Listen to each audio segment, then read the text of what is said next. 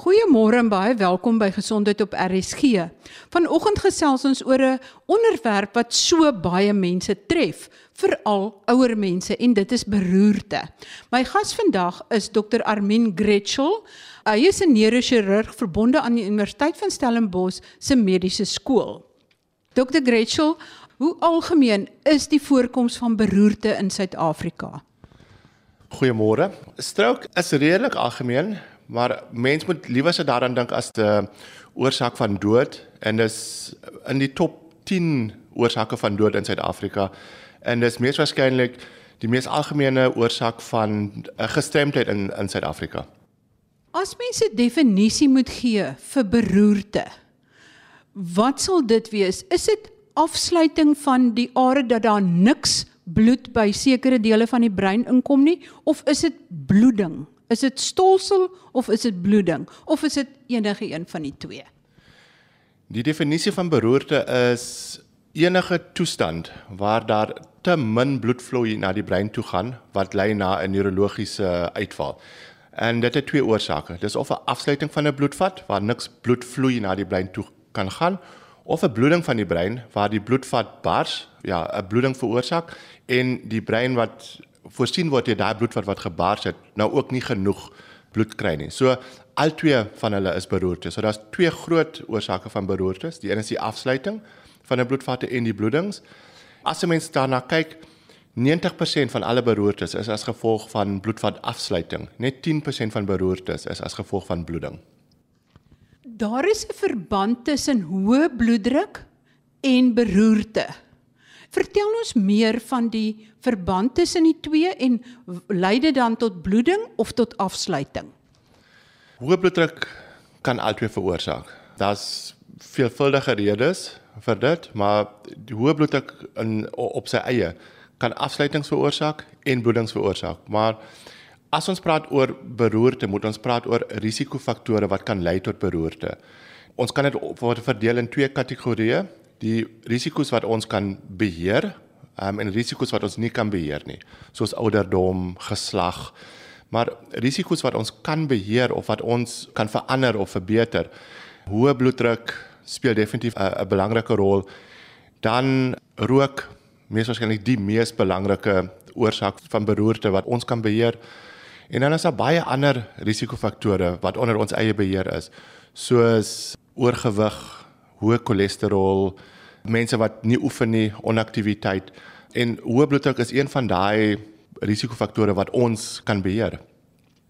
As iemand geneig is tot hoë bloeddruk, maar dit word beheer, word sy risiko vir beroerte dan ook laer? Definitief.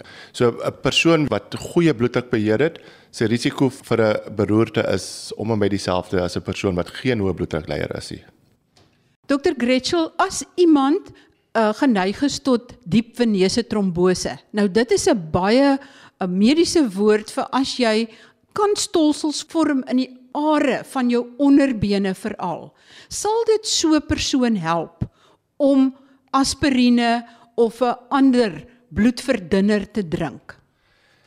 Definitief. Daai bloedverdunners, veral die warfarins en die nuwer medikasie voorkom stolselformasie in die venes van die onderbene maar dit beskerm nie 'n persoon vir 'n beroerte. Inteendeel, dit kan selfs mense se risiko vir 'n bloeding in die brein verhoog as daai medikasie nie baie goed gekontroleerd is.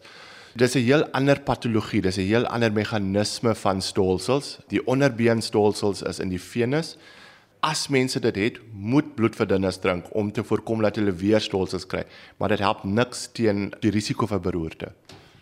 En as iemand atriale fibrillasie het, dit is daai onreëlmatige fladderings uh, van die hart, weet wat die polspoed geweldig hoog opgaan en aan die begin dan gaan dit weer terug na normaal toe, maar daai stolsels vorm in die linker atrium. En dit is daarom vir my 'n baie vinnige pad na die brein toe. Sal dit vir daai pasiënte help om 'n beroerte te voorkom as hulle 'n uh, tipe antistolmiddel drink? Ja, Pasiënte met atriale fibrillasies het 'n baie hoë risiko om 'n stolsel in die hart self te vorm. Daai stolsels is aan die arteriële kant. So as daai stolsel gaan afbreek, dan is hy maklikste pad om op te eindig om die brein op te eindig in 'n beroerte te veroorsaak. So mense met atriale fibrillasie moet stolsels in die hart voorkom en daai pasiënte moet definitief bloedverdunners drink om te voorkom dat hulle stolsels in die hart veroorsaak. Daai pasiënte baie baie hoë risiko vir vir beroerte aanvalle. Maar die elektrofisioloog van Kaapstad sê dit help ook nie jy drink sommer net 'n aspirien nie. Dit moet 'n baie spesifieke bloedverdunner wees of 'n antistolmiddel wat deur die dokter self voorgeskryf word en nie sommer 'n aspirien wat jy oor die toonbank kan koop nie. Dis waar. Aspirien help nie vir pasiënte met atriale fibrillasie. Daar drink ons bloedverdunners wat deur 'n dokter moet voorgeskryf word. Hulle het 'n baie hoër neiging vir bloeding self Maar aspirine help baie goed vir mense wat aterosklerose het. Soos ons bloedvaat of ons arteries verouder en verkalkings kry en daai verkalkings in die bloedvate gee ons 'n hoë risiko vir vir beroerte as hulle in die bloedvate is wat na die brein toe gaan. Aspirine help vir dit, maar help definitief nie vir pasiënte met atriale fibrillasie nie. Jy praat nou van aterosklerose en dit is waar daar plaak vorm aan die binnewande van die bloedvate en dit gebeur dan in die hart en as daar dan die geringste stolseltjie of iets deur daai vate gaan en dit steek vas dan jy 'n hartaanval. Kan mens sê 'n beroerte is soos 'n hartaanval in jou brein of is dit nie dieselfde nie? Ek hou van die term 'n beroerte is amper soos 'n hartaanval in die brein. Dit is 'n breinaanval en hoe vinniger mense dit kan behandel, hoe beter, net 'n hartaanval. Maar kom ons gaan weer terug die bloedvat in die hart kan vernouings kry. En maar ons kry sien dit nie in die bloedvat in die brein nie. Maar die groot bloedvate wat na die brein toe gaan, die carotis arteries, hulle is definitief geneig om hierdie vernouings te kry. En wat gebeur is hierdie plaak, hierdie verkalkings van die bloedvate is geneig dat hierdie plaak kan afbreek en amper soos 'n stolsel na die brein toe gaan kom ons sê maar opskiet en dan 'n bloedvat in die brein te gaan te blok wat dan 'n beroerte veroorsaak. Maar die bloedvat in die brein self vernou nie eintlik nie in aterosklerose. Ek weet op 'n tyd het van die kardioloë dan operasies gedoen om plaak wat aanpak in die karotis arteries los te maak. Maar is daar nie dan ook 'n baie groot gevaar dat juis daai losgemaakte plaak deur kan gaan na die brein toe nie? En is dit nog 'n prosedure wat gereeld gedoen word?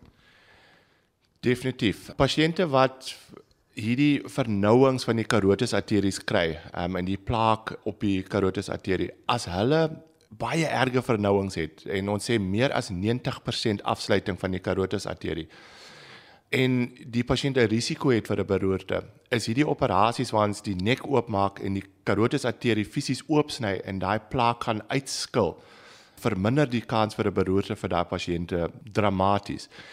Gedurende die operasie is daar altyd 'n risiko vir 'n beroerte as gevolg van die operasie self omdat ons die bloedvat moet afklem, oopmaak, fisies gaan skoonmaak en dan weer gaan toeheg. Maar daai kans vir die beroerte gedurende die operasie, daai risiko vir 'n beroerte is minder as die risiko as ons daai plaak net los. Doen julle gereeld sulke tipe operasies of is dit baie seldsaam? Die operasies word ek sê nie redelik baie gedoen nie omdat hoe meer mense dit optel deur screening, hoe meer operasies gaan gedoen word. Mense waar waar daar aterosklerose opgetel word wat meer as 90% afsluiting kry, definitief kry die operasies. Maar iemand moet dit gaan optel. Iemand moet 'n sonar gaan doen. Iemand moet 'n uh, hoë indeks van suspisie hê dat hierdie pasiënt 'n uh, redelik dramatiese afsluiting het om die pasiënt te kan verwys na 'n vaskulêre chirurg wat hierdie operasies doen in Suid-Afrika. As iemand 'n beroerte kry, hoe ken jy dit uit? Wat is daai simptome en tekens waarvoor mens uitkyk? Die maklikste is om die woord fast te gebruik. Ja, die vier letters van die woord fast staan vir F vir face, so gesig, A vir die arm, S vir speech, die spraak van die pasiënt en T staan vir tyd. So as 'n pasiënt 'n skielike swakheid van een kant van die gesig kry of een arm, swakheid van een van die arms of die bene of 'n baie skielike aankoms van 'n spraakprobleem kry, dan moet 'n mens so vinnig as moontlik 'n ambulans bel om 'n pasiënt by die hospitaal uit te kry. As 'n pasiënt hierdie simptome het, is die kans vir 'n beroerte baie hoog. En hoe vinniger ons en dit kan optel en hoe vinniger 'n persoon by 'n dokter of hospitaal kan uitkom, hoe groter is die kans dat ons daai beroerte kan behandel. Hoe behandel julle dit en hoekom is tyd so belangrik? Soos ons vroeër gesê het, 'n beroerte is soos 'n is 'n breinaanval. Hoe langer daai bloedvat afgesluit is, hoe meer selle gaan dood. Hoe vinniger ons daai bloedvat kan oopmaak, en hoe groter is die kans dat ons breinselle kan red. Daar's verskillende maniere. Hoe langer ons wag, hoe kleiner is die kans dat ons die bloedvat kan oopmaak en hoe groter is die kans dat die skade wat die afsluiting uh, veroorsaak permanent is. So die twee maniere van bloedvatte oopmaak is of deur medikasie te gee wat ons noem trombolise. Dis 'n medikasie wat deur die venus ingespuit word wat die bloedklonte kan oplos. Die tweede manier is om vir groter stolsels gaan ons deur die are en ons fisies suig die bloedklont uit die are uit. Ons sit klein kateters, kateters amper soos 'n baie dun pypie deur die are op in teen die um, geblokte bloedvat of teen daai bloedstolsels en dan suig ons baie hard en dan suig ons fisies daai bloedstolsel uit. Gaan julle deur uh, die karotes in of uh, hoe maak julle? Ons maak 'n klein punksie in die lies. Dan kry ons access in die lies van die een van die groot bloedvate. Dan gaan ons op deur die aorta, die die slagaar. Dan gaan ons net voor die hart kom ons op in die karotes. Dan gaan ons deur die karotes en dan gaan ons met baie klein kateters direk in die bloedvate van die brein in en dan maak ons kontak tussen ons kateter en ons pypie en daai bloedklont en dan suig ons en dan partyke kan mense hom heeltemal uitsuig, partyke suig mense hom gedeeltelik in die kateter in en dan trek ons alles baie stadig uit en dan kom die bloedklont saam. Sjoe, en hoe suksesvol is dit? Wat is die kans dat die pasiënt weer kan herstel? Die kans dat die pasiënt 100% herstel hang af van pasiënt tot pasiënt. Dit hang af van hoe lank die afsluiting was, hoe vinnig ons die bloedveld oopmaak, hoe groter die die groter die kans tot herstel. En dit hang af van die bloedvloei rondom die afgesluitde bloedvat, wat ons noem die kollaterale bloedvloei. In ander woorde, bloed van ander bloedvate wat op 'n manier by daai brein uitkom wat eintlik voorsien word deur die afgesluitde bloedvat. So as 'n pasiënt baie goeie kollaterale bloedvloei het, dan is die kans vir herstel baie groter. Baie slegte kollateralis beteken ehm um, baie slegter of of baie minder kans vir herstel, maar dit gaan nie net daaroor vir 100% herstel. Hoe vinnig ons die bloedvat oopmaak, hoe groter is die kans tot herstel. Ook herstel mense nie 100% nie, maar daar's 'n groot kans tot 'n gedeeltelike herstel wat die graad van gestremdheid kan verminder. Ons kyk kan pasiënte byvoorbeeld kan hulle op hulle eie leef of het hulle hulp nodig met aktiwiteite van daaglikse lewe? Kan hulle weer terug gaan werk toe? Ook as die arm dalk effens swak, as hulle weer kan terug werk toe gaan, dan is dit 'n groot sukses vir ons. En as dit 'n bloeding is, hoe maak julle dan om dit te stop? Die bloedings gaan ons nie stop nie. Die bloeding stop van self.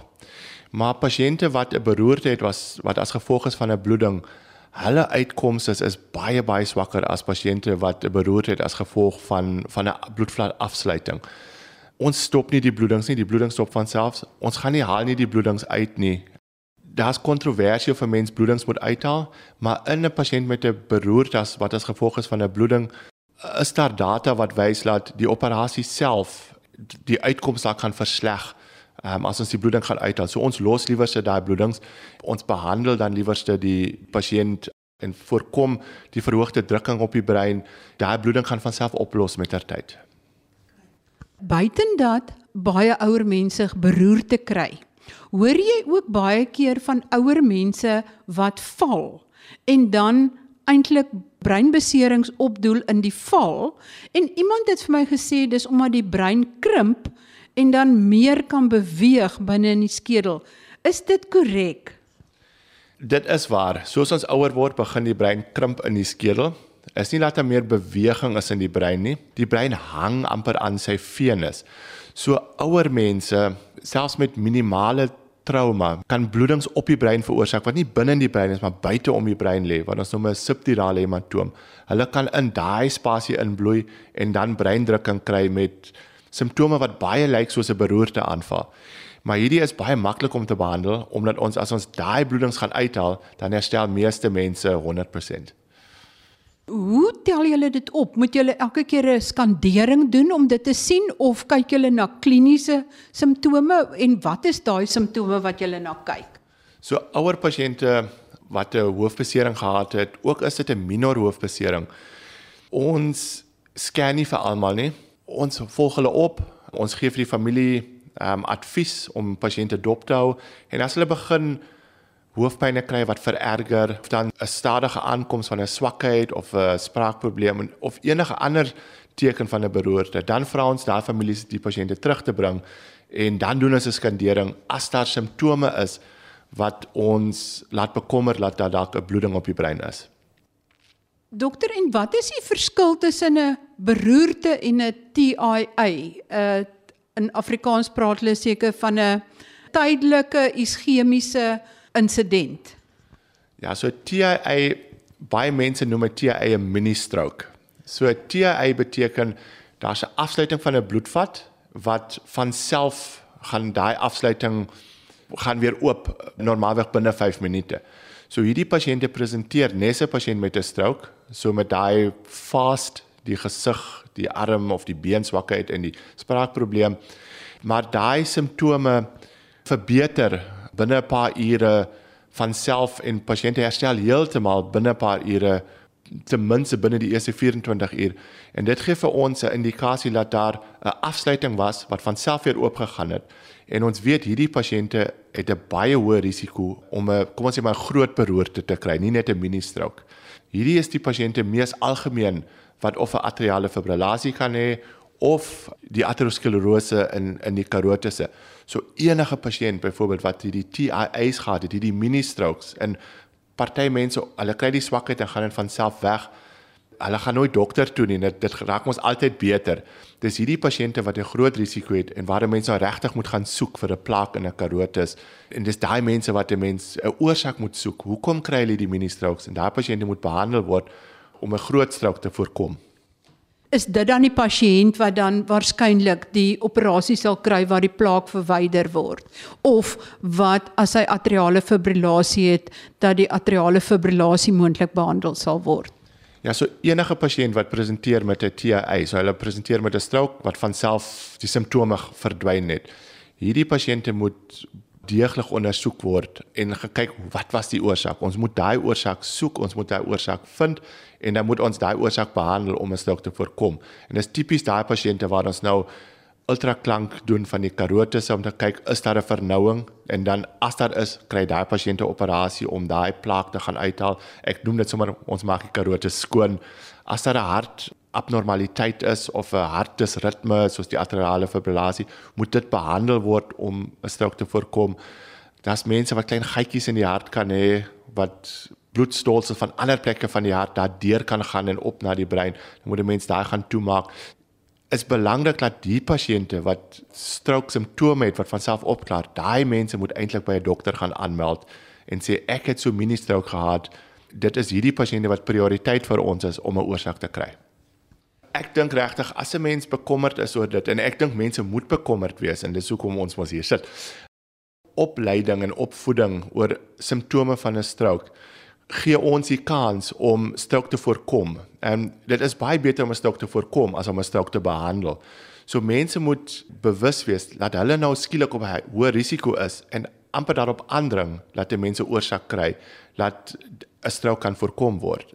Die Engelse sê mos so preventative medicine is beter as enigiets anders. So ons moet moet goed voorkom en strokes kan voorkom word deur ons eie risiko vir 'n stroke te gaan verlaag. Wat sal jy vir mense sê wat hier buite is en wat na die program luister, wat kan hulle op hierdie oomblik doen om hulle risiko vir beroerte te verlaag? Ek klink nog soos enige ander dokter. Hou op rook. Rook is mees waarskynlik die grootste risikofaktor vir 'n beroerte en daar's verskillende redes hoekom. So mense wat rook moet eintlik ophou rook. Mense moet meer aktief word, begin oefen en met oefen bedoel ek nie mense moet die Ironman gaan doen of die Argus gaan ry. Oefen beteken net 3 keer 'n week vir 'n halfuur net te gaan stap. Dis genoeg oefening. Verloor gewig.